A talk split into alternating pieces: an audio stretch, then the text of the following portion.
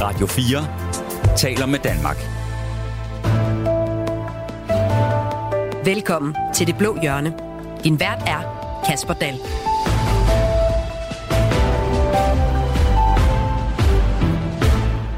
Da Lars Bøje Mathisen han gik i seng i aftes, der var han formand for Nye Borgerlige. Da han stod op i morges, der havde en enig hovedbestyrelse valgt at ekskludere ham.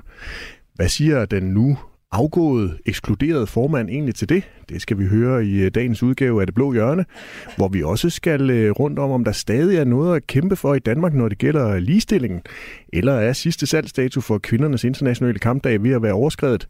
Det mener en af dagens øh, debattører i dagens udgave af Det Blå Hjørne. Velkommen til. Du lytter til Det Blå Hjørne på Radio 4. Nu skal I møde dagens gæster. Pia Kærsgaard, værdiordfører i øh, Dansk Folkeparti. Velkommen til. Tak. En uh, performance har uh, fået din, uh, dit partis opmærksomhed. Det er på Frederiksberg Hovedbibliotek i uh, denne uge. Bibliotek de havde inviteret til musik og dragunderholdning i børnehøjde, som de kaldte det med Diana Diamond og Didi Cancerella i forbindelse med et arrangement, der hedder Den Lille Kulturnat. Det har blandt andre Mette Thiesen, familieordfører i Dansk Folkeparti, været ude og sige noget om, og hun er bestemt ikke begejstret for det. Hvad, hvad er de ikke er så glade for? Jamen hold nu op. Altså verden begynder jo at blive helt mærkelig i forhold til alt den woke, øh, vi har, og identitetspolitik. Og børn, der ikke får lov at være børn. Børn, der skal lære at være noget andet, end det de i virkeligheden er. Altså i Dansk Folkeparti, der siger vi, at vi har to køn. En dreng og en pige, en mand og en kvinde. Færdig. øh, og øh, vi kan ikke blive ved med det der, at børn skal ligesom vende sig til, at hvis de har en eller anden følelse i maven som treårig, eller fireårig, eller femårig, så kan de, så kan de bare blive noget andet. Altså det er simpelthen, øh, det er forkert set med vores øjne. Det gør børnene utrygge. Jeg er da bange for, at den mistrivsel, man taler så meget om blandt større børn og unge mennesker i dag, vil blive endnu større, hvis vi fortsætter alt det her. Også velkommen til dagens anden debattør, Rosa Eriksen. Velkommen tak. til.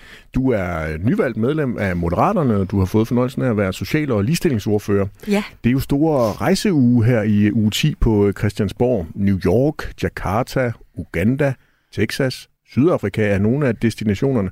Du skulle selv have været med Socialudvalget i Portugal og Schweiz for at lære mere om forebyggelse af stofmisbrug og afhængigheder. Er du træt af, at du ikke kom med? Ja, det, det er jeg, fordi helt ærligt, så er jeg ikke kommet med, fordi at jeg simpelthen er så flyskræk, at øh, jeg ikke kan flyve, og øh, det tager rigtig, rigtig lang tid at komme med toget til Portugal. Men øh, jeg glæder mig rigtig meget til, at de andre kommer hjem og fortæller mig om, hvad de har lært på den her tur. Så ja, det er mega træt af. Og så velkommen til dagens øh, tredje debattør, Lars Bøje Mathisen. Goddags. Da du var med øh, sidste gang her i Det Blå Hjørne, der kaldte du dig selv for formand elect. I dag der er du vel så formand reject. ja, det kan man sige. Du det, kan man sige. Det, var, det var noget af en overraskelse, jeg fik her til morgen, da jeg stod op, men uh, sådan det. Du nåede at være formand i en måned og en tre dages tid, så vidt jeg lige har kunne regne mig frem til. Øhm, der kører jo øh, en lang række historier øh, her fra morgenstunden, der handler om, at en enig hovedbestyrelse i Nye Borgerlige mener, at øh, du ikke længere skal være partiets formand, og de har sågar valgt at ekskludere dig. De handler blandt andet om, at øh, de har øh, fået en opfattelse af, at du har bedt om at få overført 350.000 kroner fra en partikonto til din egen konto, så du kan køre en branding-kampagne. Er det rigtigt? Mm, nej, altså det er korrekt, at, øh, at øh, vi havde en, en udfordring, og jeg sagde, at der var nogle penge, som jeg godt ville se, hvordan vi kunne sikre sig, at vi ikke fik en, et afgangssag på.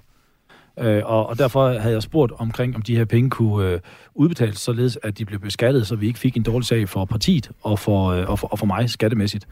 Øh, og der havde man så undersøgt øh, det ved revisionen, og revisionen har så vendt tilbage og sagde, ja, det var det rigtige at gøre, det kunne man godt gøre på den der måde. Øh, og så sagde man, til fint, så gør vi det, så vi ikke får en, en, en situation, hvor vi stod, at øh, man havde brugt nogle midler til noget, som man ikke måtte bruge, og så var de ikke beskattet. Så det var sådan set for at undgå en, en skattesag. Og jeg havde søgt rådgivning både ved partiet, og partiet har spurgt revisionen og fået tilbage, at det kunne man godt gøre. Vi skal diskutere meget mere omkring øh, Lars Bøge Mathisens øh, eksklusion, men hvis du sidder derude, lytter og har et spørgsmål til enten Pia Kærsgaard, Rosa Eriksen, Lars Bøge Mathisen eller nogle af de emner, vi skal diskutere i dagens udgave af Det Blå Hjørne, så tøv endelig ikke med at sende en sms til os her i studiet. Du skal sende den afsted til 1424, og så dukker den op her på skærmen. Radio 4 taler med Danmark. Lars Bøje Mathisen, hvad skulle du egentlig bruge de der 350.000 kroner på? Jamen, det var et øh, projekt, som vi faktisk havde tænkt øh, allerede i sommers, øh, som, som, som skulle startes op, og noget, der hed øh, Bøje på Borgen, som skulle køre på sådan, øh, som sådan et spin-off af, af, af Nye Borgerlige, men som skulle køre, øh, som ikke var decideret øh, labeled som Nye Borgerlige, øh, men som kunne bruges, og som kunne være sådan en, en et, ja, sådan som spin-off til, til det, øh, som, som så kørte i sit eget regi. Og det koster virkelig 350.000 kroner at lave Bøje på Borgen? Øh, det kommer man på, hvad du skal lave. Altså, det, det, det, kommer, det kommer man på, hvad du skal lave. Altså, hvis du skal opbygge en YouTube-kanal, hvis du skal lave øh, videoblogs, hvis du skal lave øh, udsendelser, hvis du skal lave øh, merchandise og, og, og alt muligt andet. Og så øh, skulle vi gerne undgå, at det var, øh, når det er noget, man ikke bruger direkte, kan man sige, hvor nye borgerlige navnet stod på det, så var jeg bekymret for, at øh, hvis vi brugte pengene på det, øh, så vil det være sådan en, et afkastning, hvor, hvor vi så bagefter kom, og skattevæsenet vil komme, og medierne vil komme og sige, hov, hov, hov, øh, det I har brugt på det her, hvad er det for nogle midler, I har brugt på det, og de er blevet beskattet af dig. Og så spurgte jeg til, jamen, kan, man, kan de så blive udbetalt og så blive beskattet, således at vi ikke kommer til at stå i en, en, en dårlig sag. Og det havde man så spurgt revisionen om, og det kunne man godt. Og det var, og det var, og det var derfor synes jeg, det var fornuftigt, og, og, og det er også derfor, jeg har bare lagt alt frem. Altså folk må se det hele. Jeg har fuldstændig gjort alt, hvad jeg kunne for, at netop, at reglerne skulle være, skulle være fuldt overholdt i det her. Lars Bøge Mathisen, øh, som jeg indledte med, så øh, gik du i seng som formand for Nyborgerlig, og da du vågnede i morges, der var du ikke længere formand for Nyborgerlig. Vil du ikke lige tage os med på den øh, rutsjebanetur, det må have været, og være dig i løbet af natten? Jamen, i løbet af natten var det fint. Der sov jeg. så, så det har sgu da været meget fint. Jeg gik i seng, jeg gik, jeg gik i seng klokken halv 11, og, og så, der, så jeg sovet fint. Uh, vi var så heldige, at jeg havde puttet ungerne ind, uh, eller min hustru har været så dejlig, at hun havde puttet ungerne ind i soveværelset, så, uh, så vi kunne ligge og, og putte alle, alle fire. Det sgu dejligt nogle gange, når man er væk, og så men, kommer man hjem. Men, så, så jeg har sovet fantastisk. Men Lars Bøge Mathisen, er det virkelig rigtigt, at du ikke vidste noget? Ja, så tror jeg ikke, jeg havde gået i seng klokken halv 11 og bare sovet fint indtil Hvordan er det så at stå op til en telefon, forestiller jeg mig, der bimler og bamler med ubesvaret opkald, sms-beskeder og lignende? Jeg vil sige sådan, vi skulle da lige, øh, vi skulle da lige tilrettelægge dagen lidt anderledes derhjemme. Jeg havde unger, jeg skulle i skole, og, og, og min hustru skulle afsted på arbejde og alt muligt andet. Så jeg vil sige, det var da sådan lidt, og, og, så, og så var det faktisk også noget, jeg lige skulle fortælle. Min, min ældste datter er jo ni år. Og, og den yngste, hun er 6, så det, det, det, det foregår lidt hen over hovedet på hende, men, men den ældste, hun er 9. Øh, så hun kunne jo godt risikere, at der var nogen øh, i, i skolen, som ville stille hende nogle spørgsmål og spørge om en masse ting. Så hende skulle jeg lige øh, have en snak med øh, i tidligere om morgenen der, men, for, for at hun var klædt ordentligt på. Men Lars Bøge Mathisen, når man har, kender dig og har fulgt dig i dansk politik, så vil man jo tro, at du var æderspændt, rasende, at du kastede med ting, at du greb ud efter telefonen og ringede til nogle af, af dem, der har været dine banemænd i hovedbestyrelsen og spurgt, hvad pokker er det, I har gang i? Nej, så kender du mig ikke. Øh, så kender du mig faktisk ikke så godt, som du tror. Jeg er først og fremmest far, jeg er først og fremmest far, og jeg har et ansvar for min familie. Så på det tidspunkt, der, der handlede det om, at jeg skulle have, jeg skulle have styr på, at mine, øh, mine børn og min hustru kom ordentligt ud af huset, og, og, øh, og, og de var klædt ordentligt på. Og så bagefter, så kunne jeg så begynde at, at, at gå igennem min liste og, og, og, og snakke med folk øh, og journalister, som havde ringet, og, og så havde vi en aftale her, og så skulle jeg køre hjem fra klokken 10 for at komme ind til den. Så det, det er sådan set det, jeg har brugt dagen på. Erik han har sendt os en sms på 1424. Han skriver, Hej Lars, hvorfor mener du selv, du er blevet ekskluderet? Jeg tror... Ja, det er sgu svært. Altså, jeg, det, jeg, altså prøv at det er jo lige sket her i morgen. Altså, øh, grundlæggende... Det ved jeg faktisk ikke. Altså, jeg, jeg, jeg tror måske, at den, de organisationsændringer, som, som jeg ønskede for partiet, og som vi havde sat i gang, og som jeg synes var det rigtige for, for partiet, at rykke, øh, gøre det langt mere decentralt, og gøre langt mere magt ud til lokalforeningerne. Og de ting, det tror jeg faktisk ikke faldt i særlig god jord i, øh, ved, ved, ved, ved alle inde i, inde i hovedbestyrelsen. Øh, jeg tror, jeg tror at, at jeg vil noget andet med partiet, end hvad hovedbestyrelsen rent faktisk gerne vil med partiet. Lars Bøge, du er jo også ude på Facebook i dag og kalde det for et karaktermord. Vil du ikke lige prøve at sætte lidt flere ord på, hvorfor hvordan kan det være, at du mener, at det er et karaktermord, du er offer for her? Det virker jo bare til, at I er uenigt mellem dig og hovedbestyrelsen. Nå, ja, men det er fordi, når man, når man bringer de der 350.000 ind, som om, at det var sådan et eller andet, åh, nu skulle man til at fuske og sådan noget. Og, og så, det, var, det gad jeg simpelthen bare ikke at finde mig i. Så derfor lå jeg bare alle mails ud, så, så alle folk derude kunne se, hvad det rent faktisk handlede om, at jeg har prøvet alt, hvad jeg kunne gøre, netop for, at vi ikke skulle komme i en, en dum situation. Så, så det var bare for, at det, det, det gider jeg ikke. At, at jeg, jeg har fuldstændig ramt ryg og min integritet i orden på de her ting. Og det er derfor, jeg siger, jamen, jeg lægger bare alt frem, så kan folk jo selv se det. Som jeg plejer at sige, fakta er din ven, og det er det også i den her sag. De 350.000, det handler så om den her branding-kampagne. Du siger, at den skulle hedde Bøje på Borgen. Noget andet, det skulle være en uenighed ifølge hovedbestyrelsen, ja, man, der man, handlede man, man om et formand... sige, det er jo ikke, det er jo ikke det, på den måde, det er jo, det er jo ikke, det er jo ikke, altså, det er jo ikke medlemskroner, det er jo penge, som er kommet ind øh, via øh, sponsorater til mig. Øh, ja, ja, ja. Det, det, det er jeg godt med på, men, men det er jo blevet undersøgt, som du selv er inde på, om det var nogen, der kunne overføres til dig. Hvorfor skulle de egentlig ikke bare blive hos partiet? Jamen, det var derfor, fordi jeg sagde, at der var en frygt for, at det, det pengene, som, som de skulle bruges på, at den måde, som de skulle bruges med det, der hed Bøje på Borgen, at så ville de blive skattepligtige, og så ville vi ikke stå i en situation, hvor vi havde brugt pengene. Prøv at forestille dig, hvis vi havde brugt pengene på det, som, og uden at beskatte dem, og så bagefter kom det frem, og, og det blev vurderet, at det her, det måtte man ikke gøre, så vil I medierne jo have en, en, en rigtig, rigtig god sag, hvor de siger, hov, I har brugt øh, penge ulovligt, som I ikke måtte, I har lavet den i der augen, og, og på den måde ikke blive beskattet penge. Så derfor, derfor var jeg meget, meget øh, opmærksom på, at det her, det skulle gøres lovligt, at det skulle gøres rigtigt, så vi ikke kom i de her problemer. Og det er derfor, jeg bad om, at man skulle, skulle få revisionens vurdering af det her, netop så vi ikke gik øh, forkert af i byen. Pia Kærsgaard, du sidder og ryster på hovedet. Hvad tænker du? Jamen, det passer simpelthen ikke. Altså, øh, hvis det virkelig er sådan, at det er på en eller anden måde sponsorpenge, der er kommet til Lars Bøje eller partiet, så sætter man dem ind på en valgkonto i, på foreningen, altså en forening, man har opstillet. Og det er fuldt lovligt, og der er det ikke skattepligtigt, det kan man bruge til valgkampe. Det der med at flytte det over på ens private konto, det er jo netop derfor også i Augen er kommet i klemme. Jeg undrer mig over, at øh, det kan gå på den måde.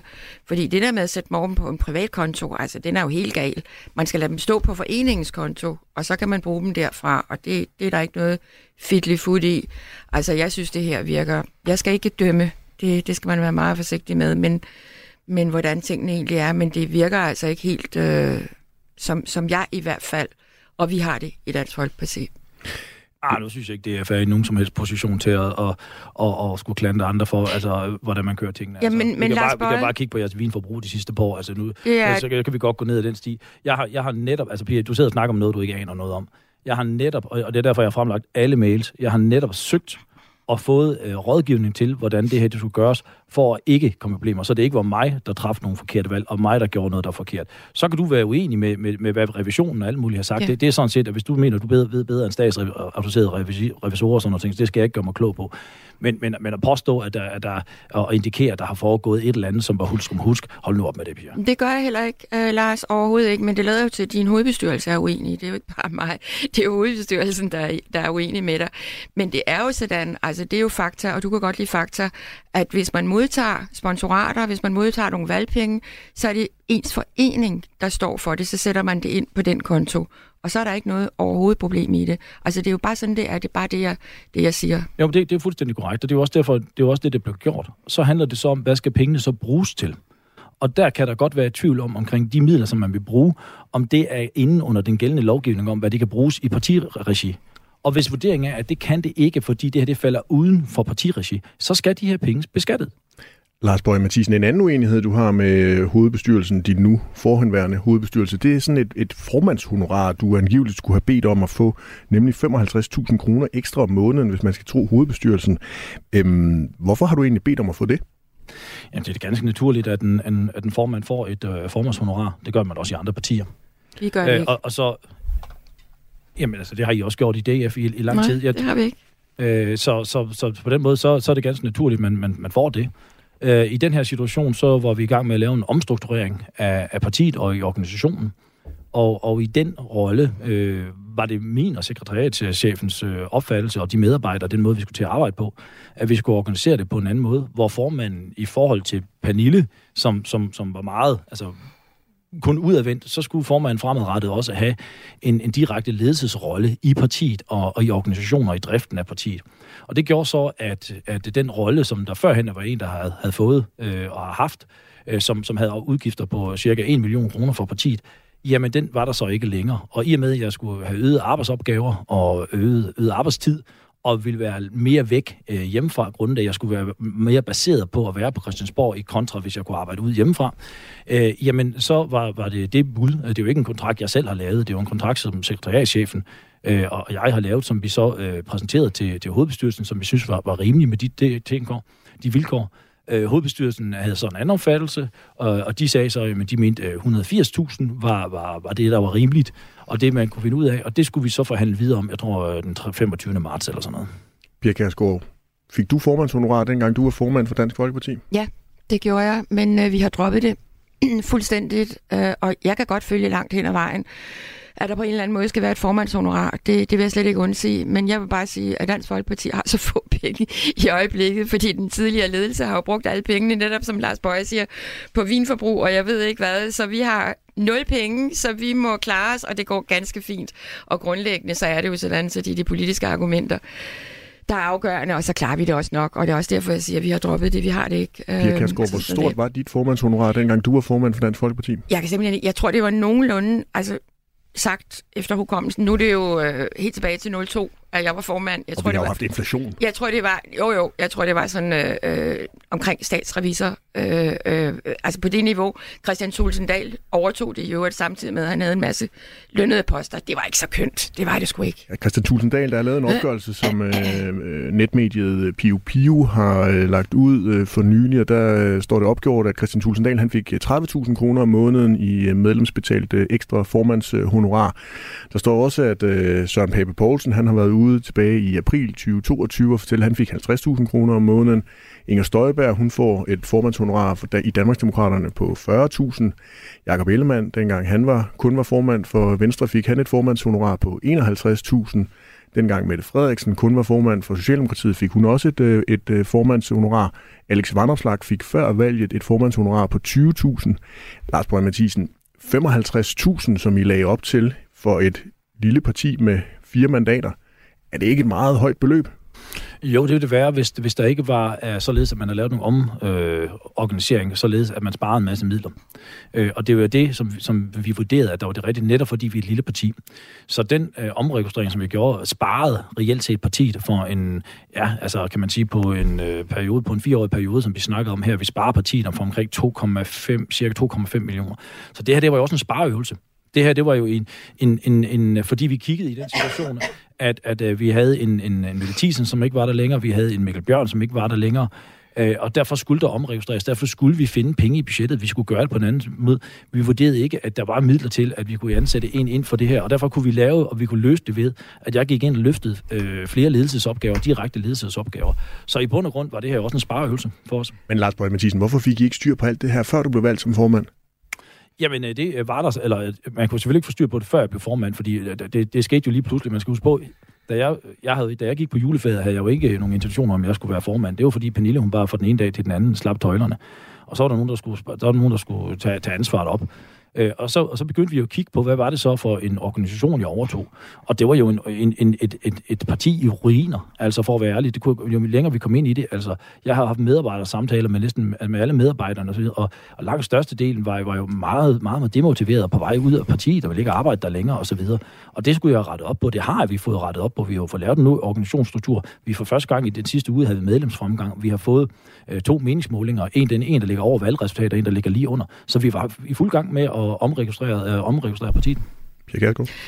Jo, men altså, summa summarum, det hele virker som en galeanstalt. Det synes jeg altså godt nok, det gør. Øh, og det er simpelthen ikke alene nye borgerlige. Jeg synes godt nok, at dansk politik trænger til at komme tilbage til så nogenlunde almindelig normen. Når jeg tænker tilbage på de sidste par år i dansk politik, så har det godt nok været kaos hele vejen igennem.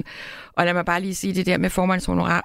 Jeg vil simpelthen godt forsvare, at formændene får noget ekstra, fordi det er, det er vildt meget som formand, men man må jo ligesom kigge på partiets budgetter, og der kan jeg bare sige, for vores vedkommende, Morten Messersmith, han får ikke en krone, for der er ikke penge til det. Den får i ledelse har brugt hele muligheden, så der er ikke rigtig noget at gøre godt med, og sådan er det. Og det må man jo ligesom øh, øh, øh, se sig ud af på en eller anden måde, og det går nok.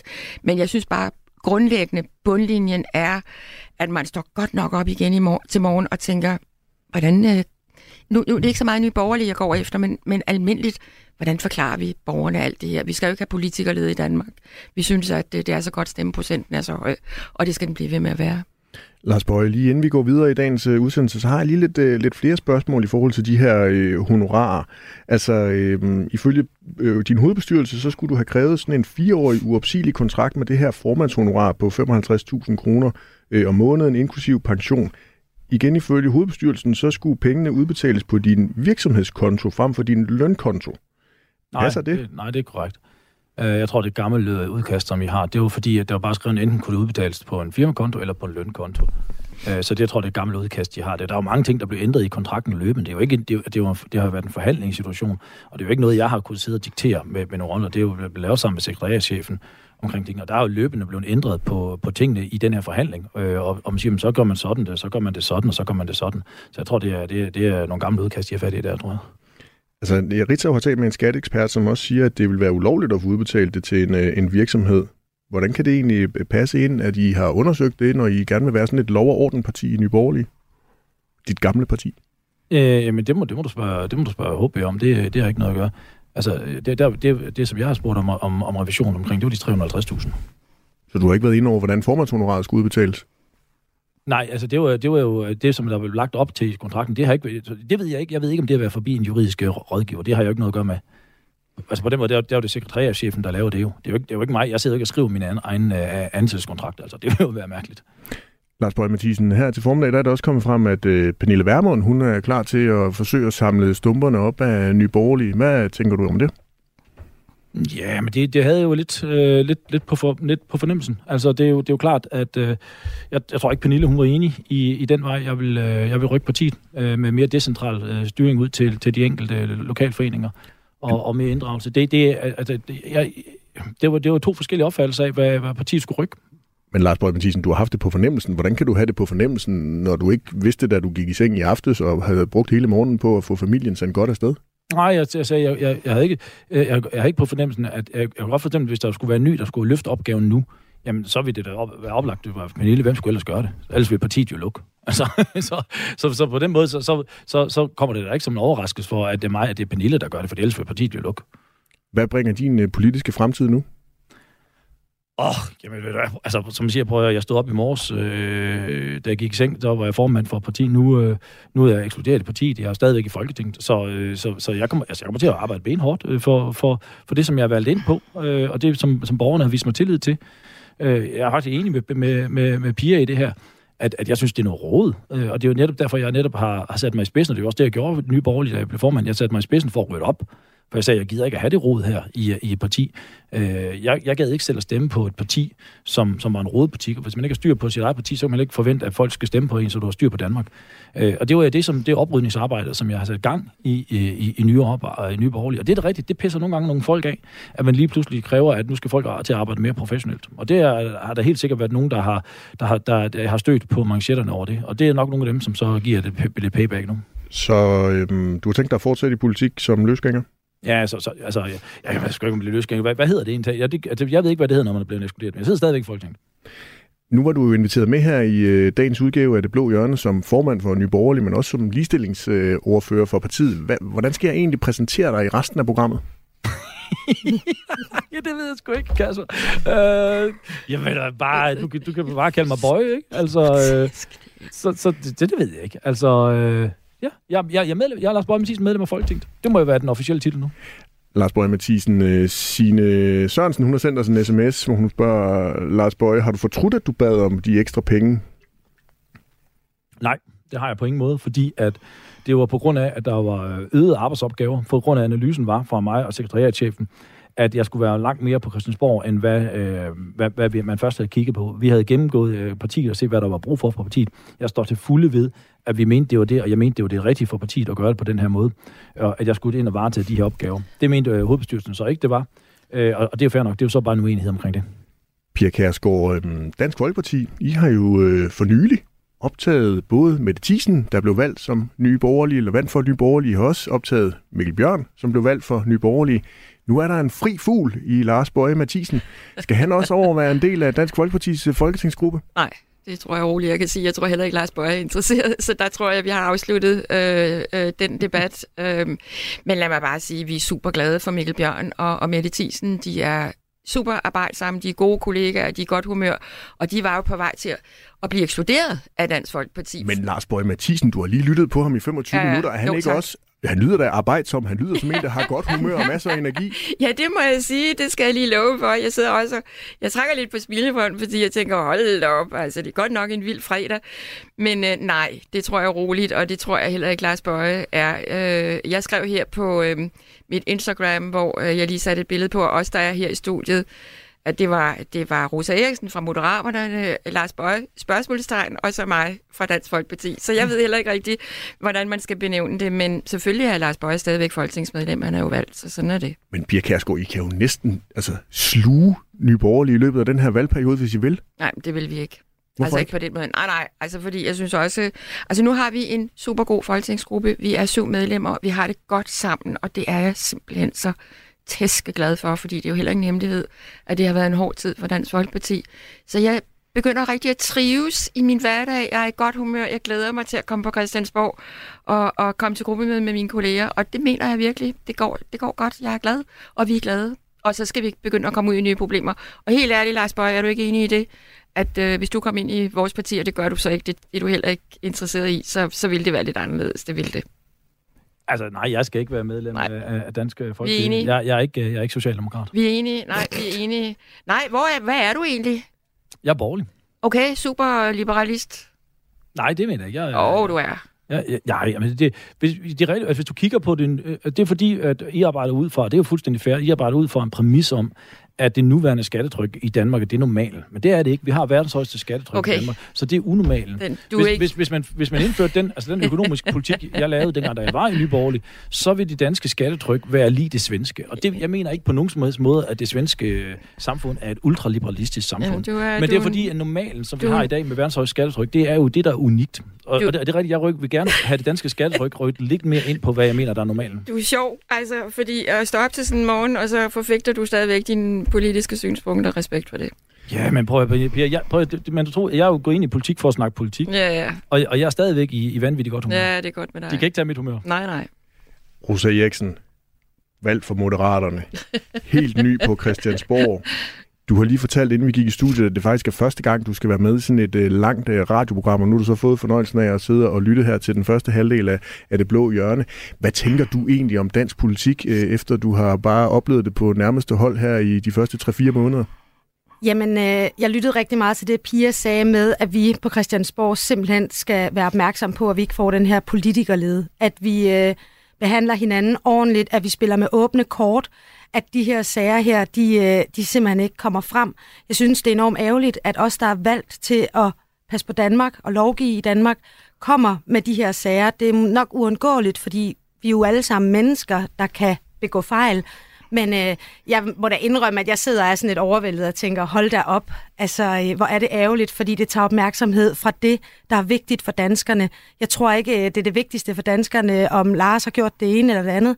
Det vigtige for danskerne, det er, at vi har et godt samfund, der fungerer, og især vores velfærd fungerer. Så jeg tror, at danskerne, de er altid lidt træt. Og lad, lad os lige slå fast, at jeg har, ikke, jeg har ikke gjort noget, der er forkert. Nej, nej, nej, nej, men det, nej, men det siger jeg heller ikke. Det- må du ikke høre, Lars. Overhovedet, jeg forholder mig slet ikke øh, til den sag. Det tænker jeg mellem dig og dit parti, eller dit tidligere parti. Øhm, overhovedet ikke. Michael han har sendt os en sms på 1424. Han skriver, kørt forbi Christiansborg i morges, troede der var stor demonstration på grund af al den støj. Det viste sig at være Dansk Folkeparti, der jublede. Pia Kærsgaard, er I egentlig lidt glade over i Dansk Folkeparti over, at Nye Borgerlige, en af jeres konkurrenter derude på højrefløjen, har haft så mange problemer at tumle med her efter folketingsvalget? Nej, altså det, det, øh, det er overstået, det der, synes jeg, med at nye borgerlige skulle være vores konkurrenter. Altså det synes jeg er overstået for længe siden, specielt efter, at vi har fået to gode medlemmer.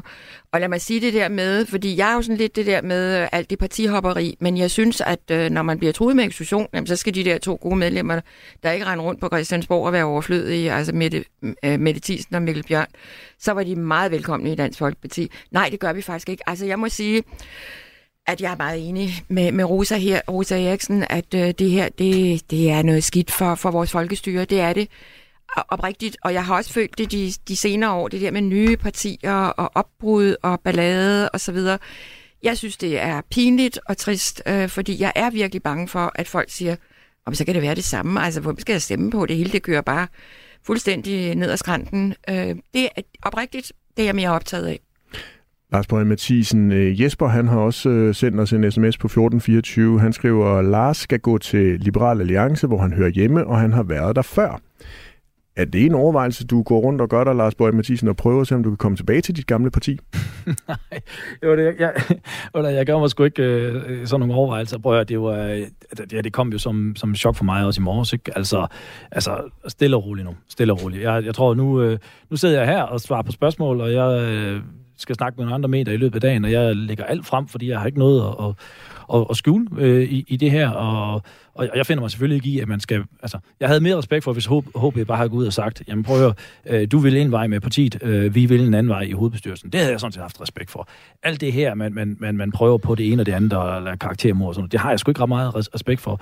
Og, og, og det er en af grundene til, at, at jeg, det kan godt være, det lyder mærkeligt, men jeg sidder faktisk sådan lidt, lidt befriet over, at jeg ikke længere skal være i en, i en organisation, som arbejder på den måde. Ja, for det er jo ikke første gang, det er sket. Øh, så, så på den måde, så, så er jeg sådan set, øh, set glad for, at jeg, jeg på den måde står fri for at skulle arbejde sammen med sådan nogle mennesker. Men, men Lars Borg Mathisen, det lyder muligvis også, som om det er en det er lidt forklaring, der er opfundet i, i dagens anledning. Det er altså øh, en måned og tre dage siden, du blev valgt til formand enstemmigt uden modkandidater. Du har kendt partiet igennem så mange år, hvor du har været medlem, du har været folkevalgt øh, siden 2019. Altså, det kan vel ikke komme som en overraskelse for dig så, at hvad det er for et parti, du er blevet formand for, når du til synligheden i dag er så øh, nej, skeptisk over nej, for jeg, det? jeg tror mere, jeg bliver overrasket over, over, over nogle mennesker. Altså, øh, som jeg siger, jeg, jeg tror, jeg har fået en... Øh, det, kan, det er sgu sjovt, når man kan få det her selv som 48 år. Jeg har fået en, en livslektion omkring, hvor øh, nogle mennesker, som man, man, man har haft sin tillid, og man har haft sin, øh, man stolede på, og man troede på, øh, så er, er anderledes, end, end hvad, man, øh, hvad man havde forventet. Øh, og der er politik jo bare, bare beskidt. Og jeg tror, at der, det er sådan en lektion, jeg har fået i, i, i det. Øh, og det, det, er jo, den tager man med. Pia Kærsgaard, du har jo fulgt øh, dansk politik øh, på allernærmeste hold, og du mm. har også været medlem af et, øh, et parti, Fremskridspartiet, der er også smeltet ned. Kan du se øh, nogle øh, sammenlignelige ting til det, vi oplever i Nye Borgerlige på nuværende tidspunkt? Ja, det kan jeg jo sagtens, øh, men man skal altid være varsom med at fraskrive sig partier, netop fordi, øh, eller personer som sådan, fordi øh, at tingene sker så hurtigt i politik, så, så der skal jeg ikke være nogen dommer og sige, det er slut, altså det, det skal jeg ikke. Det virker, altså det virker fuldstændig øh, som et galehus, jeg, som jeg sagde før i øjeblikket, men altså tingene kan hurtigt ændres, øh, så jeg skal ikke på forhånd sige det ene eller det andet. Jeg arbejder for Dansk Folkeparti støtter roligt. Men det kan alligevel ikke lige ændre sig så hurtigt, at Lars Bøge Mathisen han også snart bliver medlem af Dansk Det kan Folkeparti. du godt glemme. Altså, den diskussion er overstået. Øh, den er slet ikke, kommer aldrig på tale. Aldrig det, nogensinde. Det, aldrig. Det, det, det, kommer ikke til at ske. Nej. og det er jo fair. Altså, jeg synes, du lytter til Det Blå Hjørne på Radio 4. Lars Bøge Mathisen, der fik jeg lige lukket for dig, fordi nu vil jeg altså videre i dagens udgave af øh, Det Blå Hjørne, som vi også får diskuteret nogle politiske emner, og ikke kun alle jeres trakasserier i Nyborgerlige. Øhm, I onsdags, der markerede nogen kvindernes internationale kampdag, og før vi lige dykker ned i det, så kunne jeg godt lige tænke mig at lige høre jer helt hurtigt her i, øh, i studiet, øh, om I egentlig ved, hvor ideen om kvindernes internationale kampdag første gang blev fremsat. Rosa Eriksen.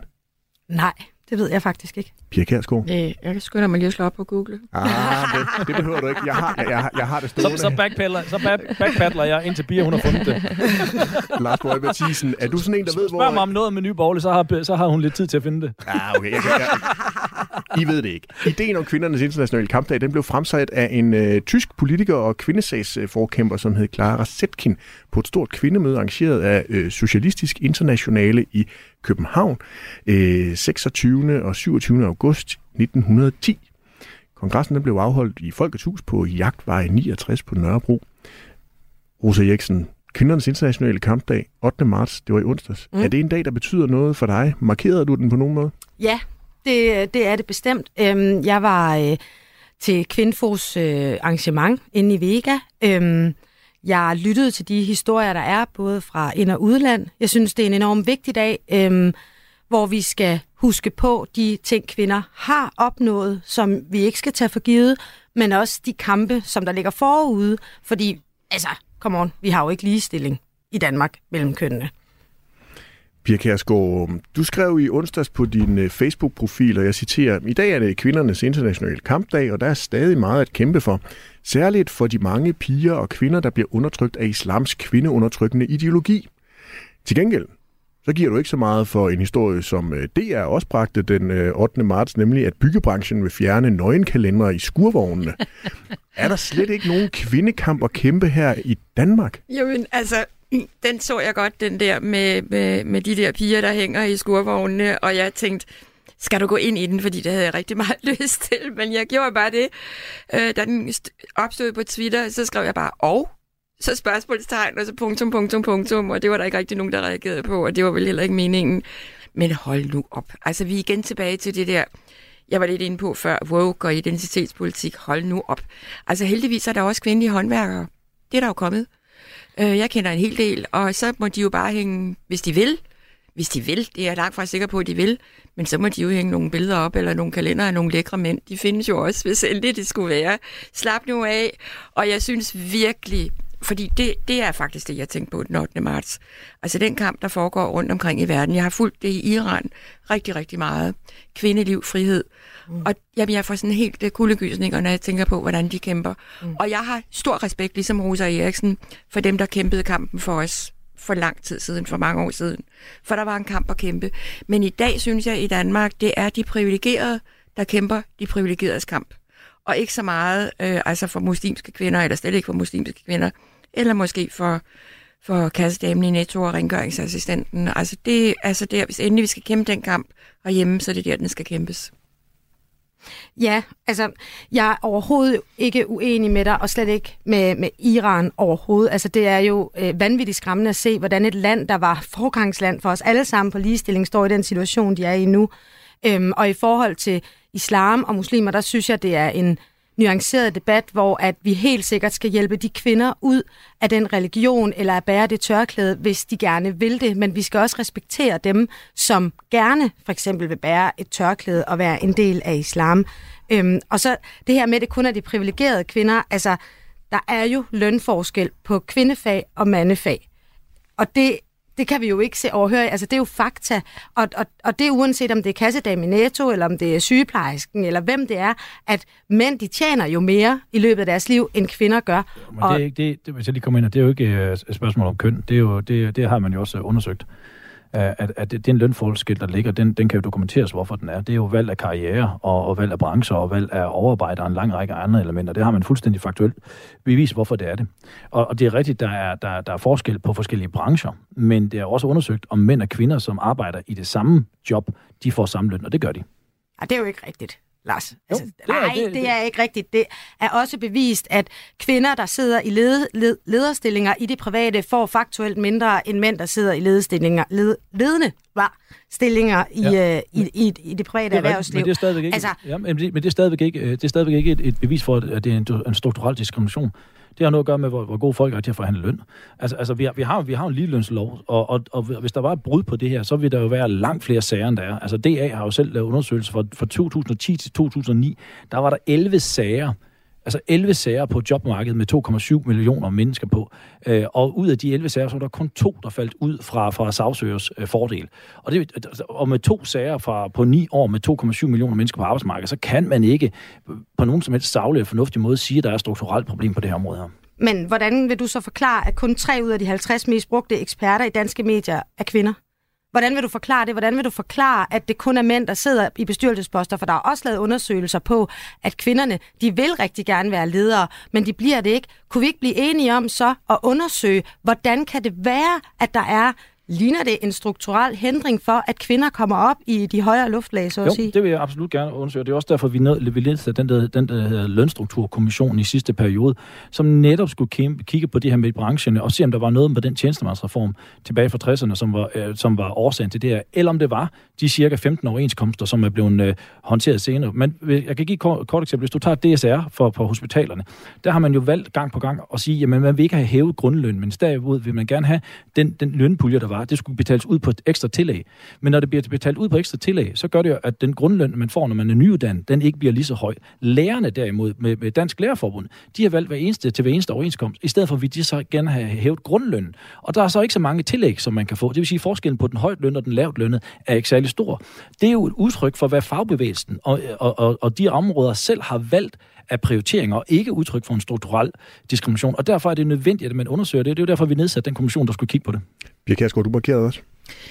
Jo, men, men altså, altså, så synes jeg igen, vi er nede i det der, øh, hvor øh, man siger, jamen, øh, kvinder må kæmpe sig til det, de vil.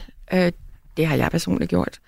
Øh, og, øh, og jeg har altså ikke det der med, øh, at at fordi der ikke er, er, er, er, er så mange kvinder i bestyrelser, eller øh, inden for filmbranchen, eller hvad ved jeg, som der er mænd, det kan jeg altså ikke hisse mig op over. Altså, og skal vi så begynde på den positive særbehandling?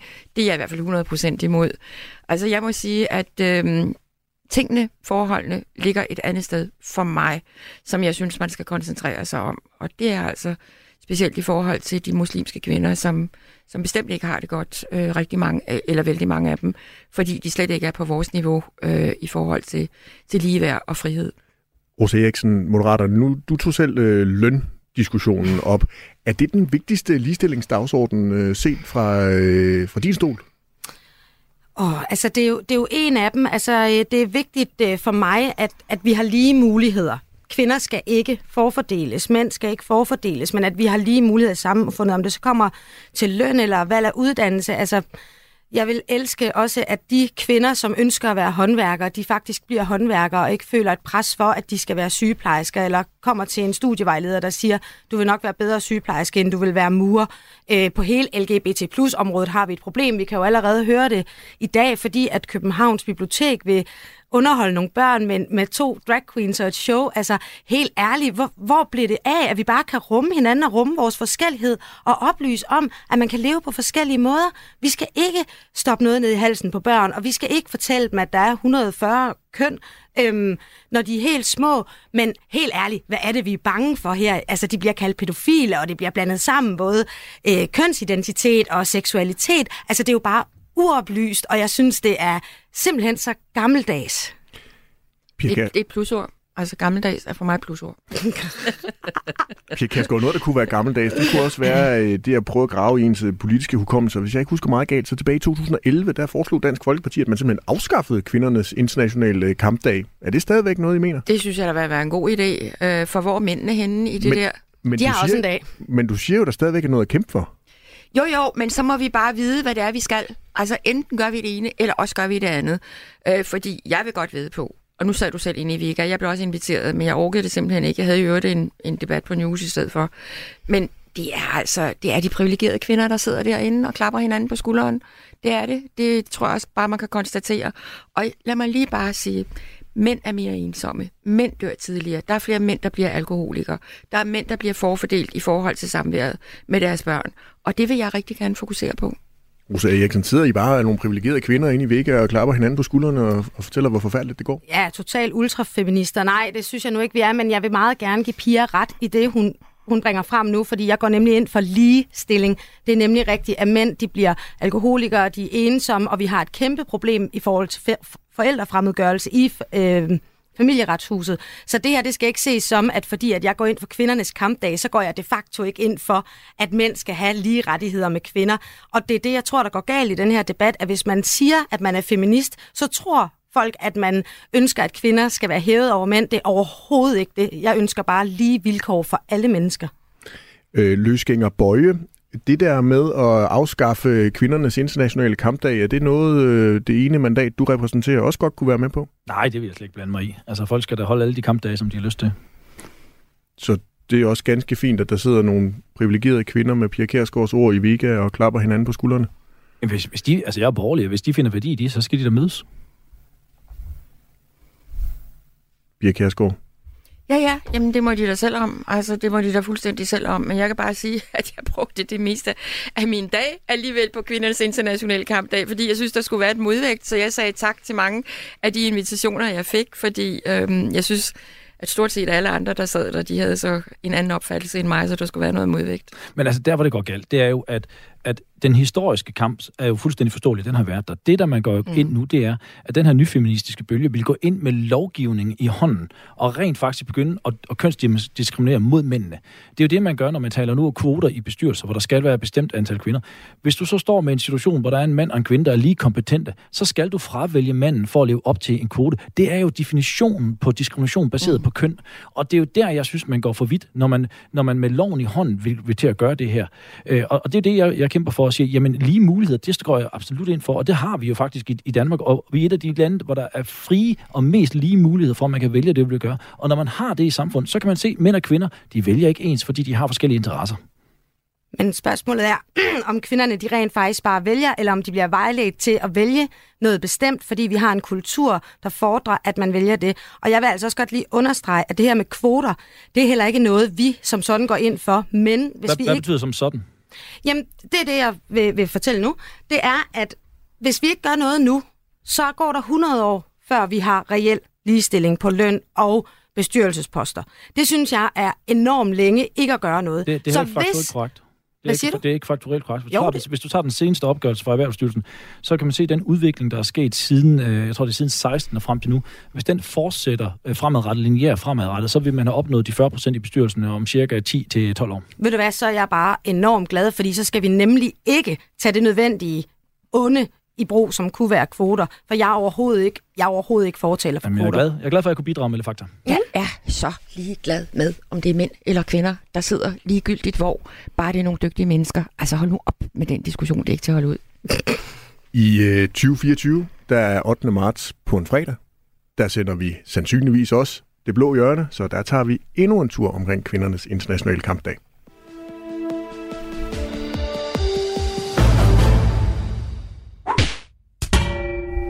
Hold da op.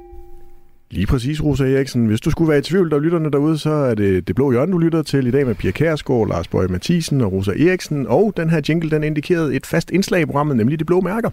Det er her, vi lader politikerne sende et kærligt, men bestemt blåt mærke til en kollega i et af centrum højre partierne. Lars Bøge Mathisen, din rutinerede rotte i at udgive blå mærker. Jeg forestiller mig, at du har en, øh, en hel hovedbestyrelse, du gerne vil sende en blåt mærke i dag. Mm, Nej, ja, ja, det er fordi, at jeg sådan set, det i går, da jeg skulle, skulle forberede mig til det, så har jeg sådan set tænkt, at, at vi mener jo stadigvæk her i programmet, at Venstre er en del af, af, af, den, af den blå. Og så vil vi sådan set godt sende til dem, at, at de lige nu sender de undskyldning for, at, at at der, de synes, der, at der er det borgerlige øh, Danmark er i krise, det sender de ud til alle de andre partier, og ikke kigger på sig selv. Så jeg synes, Venstre fortjener egentlig den her, den her uge. Pia Kærsgaard, hvem skal have dit og Dansk Folkepartis blå mærke i denne uge? Jamen, det skal ældreministeren Mette Kirkegaard, fordi jeg er så ærgerlig over, at der endnu ikke er kommet en ældrelov. Det er blevet lovet i, jeg ved ikke, hvor lang tid, og der sker ikke noget på det område, og det synes jeg, vi skylder de ældre. Så beklager Mette Kirkegaard, men jeg synes ikke, du har levet op til mine forventninger. Øh, og, og nu må der altså snart ske noget på det her område. Det eftersøger Dansk Folkeparti og rigtig mange andre. Rosa Eriksen, den kan du tage med til din øh, partifælle. Ja. Hvem vil du gerne give et, øh, et blåt mærke? I har jo fornøjelsen i Moderaterne at have sådan en frihedsbrev, hvor I både kommer i det blå hjørne og uddeler nogle blå mærker, og kommer i det røde hjørne, vi sender om mandagen og uddeler nogle røde ører. Mm. Altså, øh, nu er jeg jo sygeplejerske, ikke? så jeg giver ikke folk blå eller lilla mærker. Jeg plejer faktisk at hjælpe dem med dem, når de har fået det. Jeg synes, det her setup med, at jeg skal sidde og pege på nogle andre, der har gjort noget forkert, er bidragende til for eksempel Jacob Ellemann, der er gået ned med stress. Jeg synes, det er en uskik, og jeg synes lige præcis den samtale, vi har om, at folk ikke stoler på politikere og synes, det er et show, det synes jeg, det her det bidrager rigtig meget til. Så jeg er virkelig ked af det, men du får mig ikke til at sidde og nedgøre en kollega i Folketinget. Jamen, det skal vi heller ikke. Vi skal bare bede dem om at stramme mm, lidt op. Præcis. Altså, jeg synes, så længe det er politisk, øh, så synes jeg, det er helt i orden. Helt i orden. Altså, man skal ikke gøre det på deres person, eller noget, de som personer har gjort, men jeg synes rent politisk, synes jeg simpelthen, at man godt kan sige til en minister, hallo minister, kom nu, eller andre. Men skal vi så ikke gøre det i en savlig diskussion eller en savlig debat? Jeg synes ikke, det, det, synes jeg, det, okay. det, vil jeg sige, Ja, det, det synes jeg, synes det synes jeg jeg. faktisk Det også, Pia, hun synes jeg. gjorde. Der, Ja, var, det der var en synes jeg. savlig argumentation Ja. for, hvorfor hun synes, Ja. der skulle give... Hun er sikkert en sød og rar dame, det tror jeg på, og hun vil nok det bedste, men hun mangler at komme med nogle resultater. Eller nogle forslag. Du lytter til Det Blå Hjørne på Radio 4. Lars Bøje Mathisen, øh, det vælter simpelthen ind med spørgsmål øh, til dig fra øh, lytterne. Fedt, og vi laver der- bare en time mere på et tidspunkt. Og der er også sket en lille udvikling i løbet af den tid, vi har sendt, fordi øh, Pernille Vermund, den tidligere formand for Nye Borgerlige, og måske kommende formand for Nye Borgerlige, har været ude med en pressemeddelelse. Og jeg citerer her fra Pernille Vermunds pressemeddelelse. Jeg forstår godt, hvis I synes, det er helt sy- en helt surrealistisk situation. Den holdning deler jeg. Men der er desværre ingen anden udvej efter, at Lars Borg Mathisen satte en pistol for panden af partiets hovedbestyrelse og forretningsudvalg. Har du sat en pistol for panden for jeres hovedbestyrelse og forretningsudvalg? Nej, det har jeg da ikke, men øh, jeg er da glad for, at Pernille hun er kommet hjem fra ferie. Hun fortsætter også i øh, pressemeddelelsen. Vi foragter, når politikerne froser med danskernes penge, og vi har samme respekt for vores medlemmers penge, som vi har for danskernes. Har du ingen respekt for medlemmernes penge, når du gerne vil lave en kampagne, der hedder Bøje på borgen og gerne vil have et formandshonorar på 55.000 kroner om måneden? Jo, det er jo netop derfor, jeg har fremlagt en, en lang række besparelser for partiet, fordi jeg synes, at man netop frost på en lang række områder.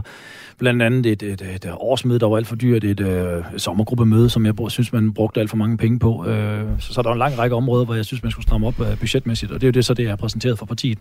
Og det kan godt være, at der er nogen, der synes, det er træls, at det er lige pludselig de gode, de har haft øh, tidligere, at de så ikke har dem længere, men jeg synes, pengene kunne bruges bedre. Så der var fros i Pernille Vermunds tid i, i Nye Borgerlige? Øh, jeg, jeg, jeg, egentlig, jeg har ikke lagt skjul på, at jeg synes, at nogle af pengene er blevet brugt forkert. Pernille Vermund, hun kalder det også utilstedeligt, at du har bedt om at få sådan et højt formandshonorar. Hvad siger du til det? Nej, det synes jeg på ingen måde, at, at, at det, er jo, det er jo utilstedeligt. Øh, det, det var et, et, et, øh, en del af en omregistrering af partiet. Øh, jeg skulle til at varetage en lang række øh, ledelsesopgaver, som Pernille Vermund hun har valgt ikke at ville løse, og så har hun så ansat en, som hun har givet en million om året for at løse de opgaver. Jeg, jeg synes, vi kunne gøre det billigere øh, ved, at, at, at jeg har håndteret de her ting, øh, og på den måde har jeg sådan set sparet partiet for, noget, for nogle penge. Hvem er det, du taler om, der har fået sådan en øh, klækkelig betaling? Nej, jeg udtaler mig ikke om, øh, om, om øh, specifikke medarbejdere og deres, og, og deres løn. Så det får du mig ikke til. Vi skal også lige have lidt præciseret, øh, Lars Bøge Mathisen, fordi du siger tidligere i udsendelsen, at du ikke har gjort noget forkert. Fastholder du så, at alt, øh, hvad du har anmodet dit sekretariat eller ansat i partiet om, har været inden for den gældende lovgivning? Ja, så, så, altså, så, så absolut. Øh, de, de, øh, jeg, jeg bad jo om at få undersøgt, øh, om, om de penge, der kunne udbetales i 350.000, om det var øh, lovligt, og, og for at sikre sig, at det gjorde det lovligt, det havde jeg bedt revisionen at gøre. Øh, ansættelseskontrakten, hvad den indeholder, det skal man spørge sekretariatschefen om. Det er ham, der står for at lave den. Lars Bøge, du sagde også tidligere her i det blå hjørne, at vi skulle tale med hovedbestyrelsen omkring spørgsmålet om, hvorvidt dit månedlige formandshonorar, hvordan det skulle udbetales. Men for at vi lige er helt sikre på, hvad det er, vi skal spørge dem om, så er det jo vigtigt, at du lige hjælper os med at fortælle, hvad det er, du selv har bedt om. Altså, så har du på noget tidspunkt i mails eller samtaler bedt om at få udbetalt sådan et månedligt honorar til dit firma frem for din normale lønkonto, hvor man normalt udbetaler noget, der skal indkomstbeskattes? Ja, altså også, som jeg også sagde tidligere, i den, i den, første, i den første, jeg tror, i de første udkast øh, til, til kontrakten, jeg ved ikke, om det hvilken i den vi er, men i hvert fald i, i nogle af de kontrakter, som sekretærchefen havde lavet, der stod der, at det kunne udtales på en lønkonto eller udtales til et, et, et firma. Det der, det her, jeg har ingen, ingenting at skjule med det, der, er, men det er ikke mig, der laver løn, altså ansættelseskontrakten. Det er jo en sekretærchef, der laver det. Hvor vil du egentlig helst have de der beløb øh, udbetalt til? Ja, det ved jeg sgu ikke. jeg sgu ikke. Det er ikke. Og det er jo ikke sikkert, det kommer i kontrakten. Altså, det er jo en, det er jo en kontrakt, i, i, under, under forhandling, så det er en af jeg simpelthen ikke. Lars Bøje, jeg har også lige fået et par sms'er, jeg gerne lige vil læse højt. Den ene er Paul, der har sendt ind til 1424. Han skriver, Lars Bøje skal nok dæmpe sit ego lidt, hvis et parti skal finde plads til ham. Sorry, men han virker meget magtfuldkommen. Kan du hmm. genkende det? Nej, men, men, men det er klart, at når man overtager et parti i, i urin og organisatorisk, så bliver der nødt til at, at sætte sig ind for bordenden, som, som får styr på de her ting. Øh, og, og det har sat jeg mig for, og jeg krævede, at folk øh, steppede op og viste en, udviste en professionalisme, som, som der ikke havde været til stede førhen. Det lægger jeg ikke skjult på. Øh, det har jeg også skrevet åbent, at det var det, jeg gjorde.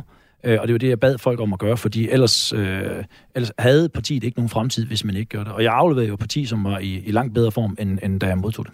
Ja, du har tidligere sagt, at du, øh, du mener, at Pernille Vermund hun efterlod en rodebutik, og det har fået øh, Jette til at sende en sms ind på 1424, om du virkelig mener det. Altså, overtog du en rodebutik fra Pernille Vermund? Ja, det gjorde jeg. Altså, altså, fordi, altså, vi havde, altså, der var et sekretær, som var brændt fuldstændig sammen, øh, hvor rigtig mange medarbejdere forladt det, og, og da jeg havde samtaler med dem, så var de fleste på vej væk, og, og kunne ikke se nogen, for, nogen, nogen, nogen fremtid i, i nye borgerlige.